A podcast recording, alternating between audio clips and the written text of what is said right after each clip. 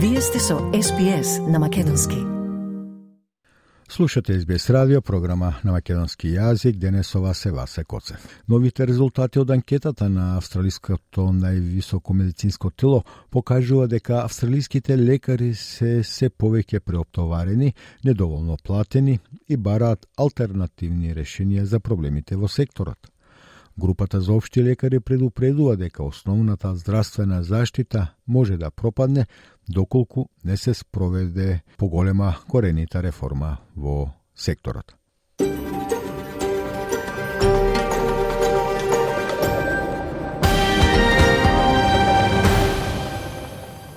Врвните медицински тела на Австралија се состанаа во парламентот во Камбера, а кризата во секторот беше на врвот на агендата. Доктор Карен Прайс, председателка на Кралскиот Австралиски колеж за општи лекари, вели дека ова е првата ваква криза со која се соочила во текот на нејзината тридеценијска кариера.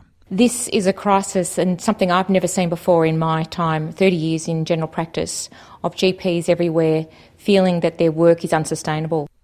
Кралскиот австралиски коледж за општи лекари го свика овој состанок откако спроведе анкети со општи лекари ширум Австралија. Извештајот насловен Здравјето на нацијата откри дека речиси три од четири општи лекари кои учествувале во анкетата пријавиле дека се чувствувале исцрпени во текот на изминатата година. Секој четврти лекар имал намера да се пензионира во следните пет години. Помалку од половина од анкетираните би ја препорачале општата медицина на оние кои ја започнуваат својата кариера.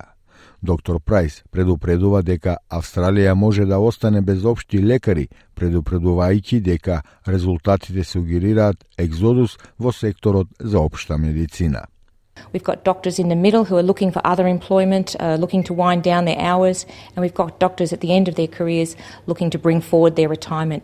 It is a crisis, and we know that Australia is in danger of running out of GPs. Доктор Антонио Дидио, председател на гранката на Австралиската медицинска асоциација во австралиската главна територија, вели дека овој исход се должи на долгорочните притисоци со кои се соочуваат лекарите. Тој објаснува дека веќе со децени обштите лекари го пополнуваат јазот во медицината, а тоа станало очигледно во текот на пандемијата. But the people who are holding up this system have been holding it up for decades. COVID has made it more apparent and more obvious, but there is a system that uh, has existed in Australia for decades in which a whole bunch of people have their own patches and do great work, and every single crack between those patches is done by general practice. Оваа потенцијална криза представува најголем ризик за регионалните и руралните заедници. Доктор Сара Чалмерс има искуство во северниот дел на северната територија и во далечниот северен дел на Квинсленд. Таа предупредува дека недостатокот на лекари во далечните места ќе го зголеми товарот на регионалните болници, а тоа ќе доведе и до дополнителни трошоци за даношните обврзници. Uh, in those areas, GPs need to have an extended scope of practice. They need to be able to work uh, in resource poor environments. So uh, they, they are another type of specialist doctor. Извештајот покажа дека речиси половина од општите лекари сметаат дека не е финансиски одржливо за нив да останат во општата медицина. Друга причина за загриженост е надоместокот на Медике, чија вредност беше замрзната во поголемиот дел од изминатата деценија. Само 3% од анкетираните општи лекари сметаат дека сегашниот надоместок може да ги покрие трошоците за нега. Доктор Прайс вели дека е потребен ремонт на финансирањето, односно координиран здравствен систем меѓу државните и сојузната влада. 7.4% of the health budget goes to general practice. That must change, otherwise, we're talking diddly squat. And the other thing that needs to happen is we need to have a coordinated health system. So we need one health system, whether it's federal or state, or whether they suddenly combine together and work together, which would be a novel idea. Um, I don't really mind, but we need to stop using health as a political football between federal and state jurisdictions.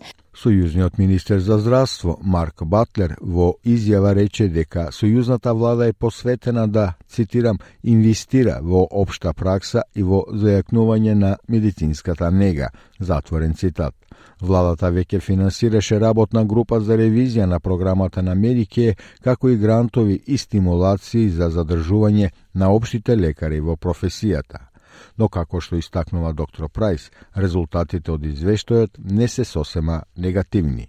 Повеќе од 70% од анкетираните пријавиле високо ниво на задоволство во оваа професија, вели доктор Прайс. Despite this, there's a paradox that 70% of the participants actually said, Look, I'm really very, very satisfied with my job. Јасно е дека лекарите сакаат да се грижат за пациентите ширум Австралија, се додека можат да се го дозволат тоа.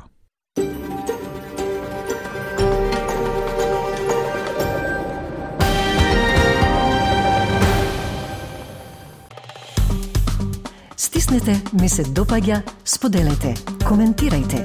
Следете ја SPS на Македонски на Facebook.